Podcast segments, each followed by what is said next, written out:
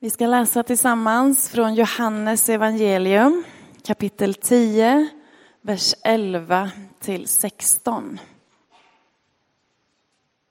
Jag är den gode herden. Den gode herden ger sitt liv för fåren. Den som är lejd och inte är herde och inte äger fåren, han överger fåren och flyr när han ser vargen komma och vargen river dem och skingrar jorden. Han är ju lejd och bryr sig inte om fåren. Jag är den gode herden och jag känner mina får och de känner mig. Liksom fadern känner mig och jag känner fadern. Och jag ger mitt liv för fåren. Jag har också andra får som inte hör till den här follan. Också dem måste jag leda. Och de ska lyssna till min röst och det ska bli en jord och en herde. Så lyder det heliga evangeliet. Lovad vare du, Kristus. Att säga ja till Jesus och att få göra det genom att bli döpt i Faderns och Sonens och den heliga Andes namn. Det är stort och det är vackert att få vara med om. Att tro är en resa genom livet. En resa kantad med glädje och sorg, tro och tvivel. Kanske minns du ditt dop, kanske gör du det inte. Oavsett så kan du se tillbaka på dopet. Och oavsett vad som har hänt sedan du döpte dig så kan du lita på att Gud är lika nära som den dagen då du döptes. Du fick säga ditt ja till Guds öppna, välkomnande famn. Och har du ännu inte sagt ja så står Gud med sin famn öppen och längtar efter dig. Den gode heden.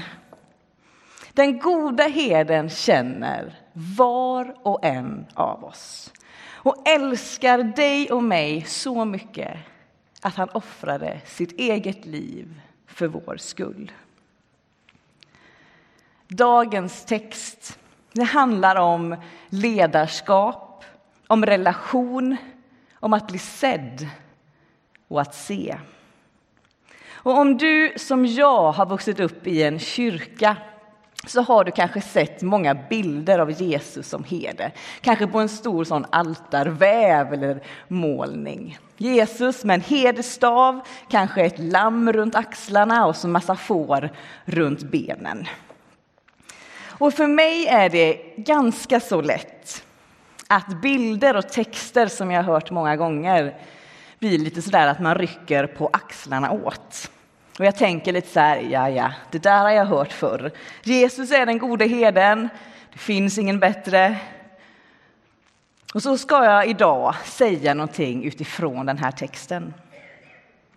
Och då behöver jag stanna upp lite extra och liksom tvinga mig att återigen försöka få fatt i vad är det egentligen Jesus vill berätta med detta.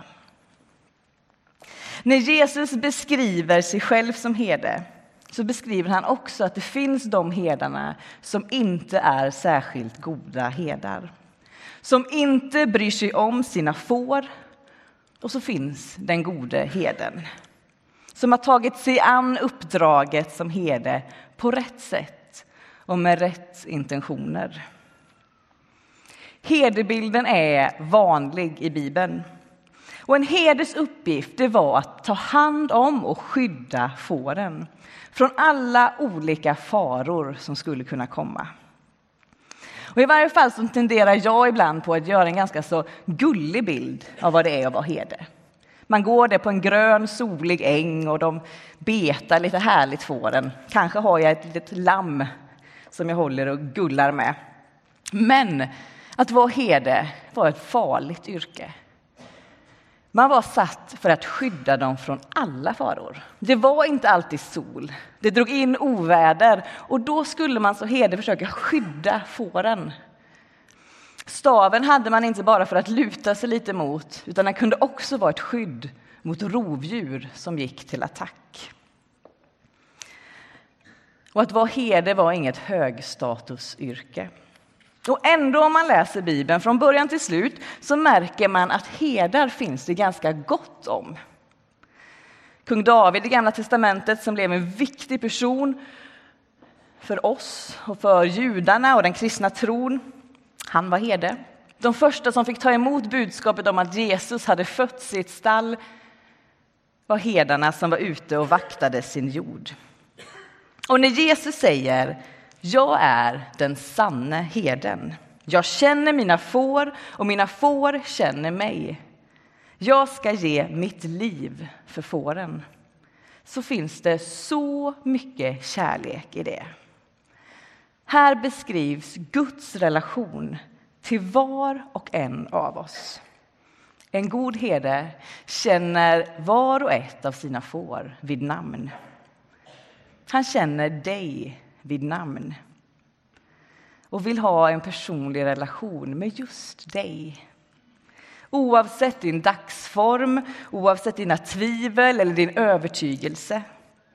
Och han längtar efter att du ska känna igen hans röst, känna honom så att ditt liv mer och mer kan bli det det är tänkt att vara. Att vi först och främst är älskade av den goda herden är en superviktig grundbult i den kristna tron.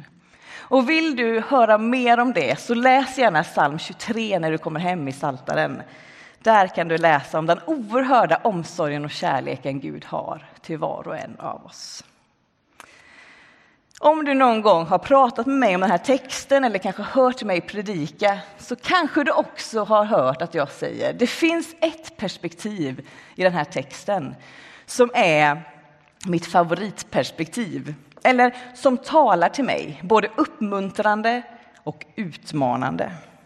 Och det är perspektivet att i och med att jag har sagt ja till att jag vill tillhöra den där follan där den goda heden finns så finns i och med det ett uppdrag för mig och för oss som sagt vårt ja. Och det uppdraget, det är att själva bli goda herdar. Människor som med våra liv visar och pekar på vem Gud är. Det finns en vers i Gamla testamentet i Hesekiel där Gud talar genom Hesekiel och fördömer falska herdar som ser till sig själva och inte bryr sig om fåren. Och där står det så här. Jag ska själv vara en herde för mina får och låta dem komma till ro. Jag ska leta efter de vilsegångna och hämta, hämta hem de bortsprungna. Jag ska förbinda de skadade och jag ska styrka de svaga. Det Hesekiel här förmedlar från Gud, profetian, den uppfyller Jesus. Att vara en god herde är inte alltid lätt. Det är kantat av utmaningar, kanske hinder. Men jag tänker, måtte jag aldrig bli som de herdar som inte är goda herdar. En människa som främst ser till mitt egna som inte bryr mig om min nästa. Utan låt mig mer och mer bli som den gode herden som hämtar hem de bortsprungna, som tar hand om de skadade, de som kanske har blivit skadade av livet, av andra människor. Måtte jag få bli en av de herdar som är med och förmedlar hoppet, hoppet som kommer ifrån Gud. Och det börjar alltid hos Gud. Det börjar med att jag faktiskt är ett av fåren som har Jesus som herde. Och där i tryggheten, i den follan, så får jag mer och mer upp ögonen för att även jag, att vi ibland eller ganska så ofta faktiskt behöver möta människor på samma sätt. Med trygghet, med kärlek, med värme. Och så kan jag inte låta bli att tänka på församlingen. Församlingen som en fårjord, eller en skock med får som har det gemensamt att vi alla vill följa den gode heden. Att vi vill lära oss känna igen hans röst. Och vi vill vara med och välkomna fler till den jorden. Och alldeles nyss så blev det extra påtagligt vilken glädje det är när människor kommer till tro. Idag genom dopet och medlemskap i vår församling. Och då är det så lätt att fira och vara glad. Men det finns tillfällen då vi kanske behöver anstränga oss för att välkomna andra in i vår fårjord. Då det kanske tar emot. Då dina förutfattade meningar, dina rädslor eller bekvämlighet står i vägen för att våga eller vilja bjuda in fler i din gemenskap. Kanske orkar du inte ta in fler. Kanske är du ganska så nöjd med hur det är. Och det är en utmaning för oss att likt Jesus vilja lära känna alla människor oavsett varifrån vi kommer eller hurdana vi är. Ibland så behöver vi anstränga oss för att se och för att glädjas över att fler vill vara med. Och du vet säkert med dig när och vilka tillfällen det är en risk för dig att du väljer att titta bort eller inte se. Och just här så bränner det till för mig. Åh, vad jag önskade att alla människor skulle känna sig hemma när de kommer till exempel hit till Saron. Att den människan som kanske i alla andra sammanhang känner sig ensam och utanför, åtminstone här skulle hamna mitt i en seende och välkomnande gemenskap. Ofta är det så, men inte alltid. Ofta vill jag försöka se den som inte så många andra kanske ser Oftast vill jag lära känna någon ny, men handen på hjärtat, inte alltid. Det är ganska skönt att sätta mig med min kopp kaffe hos dem jag redan känner. Och då blir påminnelsen i dagens text extra viktig och kanske extra smärtsam. Påminnelser om att Jesus inte bara dog för mig för att jag skulle få en relation med honom utan han dog för alla människor. Och att han, som det står i texten, också har andra får som inte hör till follan.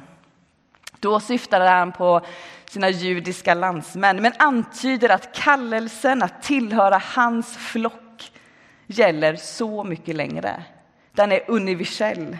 Den gäller alla människor, för Gud längtar efter varenda människa. Påminnelsen om att Jesus vill dra alla till sig oavsett vilket folk de tillhör eller hurdana de är går inte att missa. För den gode heden är en herde för alla, inte för några få. Han är inte som vissa ledare tvingas vara inom en del idrotter idag. En ledare som toppar laget för att nå längre. Utan han är en ledare som till sin natur önskar att alla människor skulle hitta hem. Så låt oss vara en del av det uppdraget. Att visa alla vem Gud är, så att fler hittar hem, hem till tryggheten. Och låt oss oftare tillsammans ställa till med fest för att vi fick vara med och se och möta människor. Vi fick vara med och välkomna ännu fler in i vår gemenskap. Själva kan vi inte göra det, men tillsammans med varandra och tillsammans med Gud så kan vi. Och om någon skulle säga jag passar inte in. Eller i värsta fall, någon av oss får i follan skulle säga du passar inte in, du är fel. Då är vi nära att bli som de som Jesus kritiserar i liknelsen. Ledare som inte lyckas vara goda herdar. Sådana har det alltid funnits. Men Jesus visar på ett annat sätt att vara herde. Och det är inte lätt alltid, men det är heller inte omöjligt. För vi gör det inte efter eget huvud. Grejen med att Jesus känner oss och vi känner igen hans röst gör att vi alltid kan navigera oss rätt även när vi har hamnat lite på avvägar. Så hur gör vi då för att mer och mer börja att inte bara tänka som Jesus utan också agera? Hur gör vi för att mer och mer kunna se människor med Guds blick? Det finns inte bara ett svar på det, men om jag ändå så ska försöka mig på ett så är svaret så här. I texten står det Jag känner mina får och de känner mig. Och det bibliska ordet för känna betyder att ha livsgemenskap med. Alltså att känna någon är att dela livet med denne. Hur gör du med dina relationer för att de ska bli nära relationer? Ja, man spenderar tid med varandra och lär känna. Man delar det man står i och man är beredd att lyssna på den andra. Och detsamma gäller vår relation med Gud. Att ge relationen med Gud lite tid.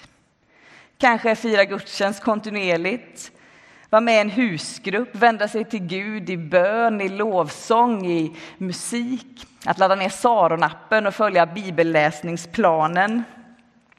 Här finns inte bara ett sätt. Vi är olika och därför har vi även olika sätt att närma oss Gud.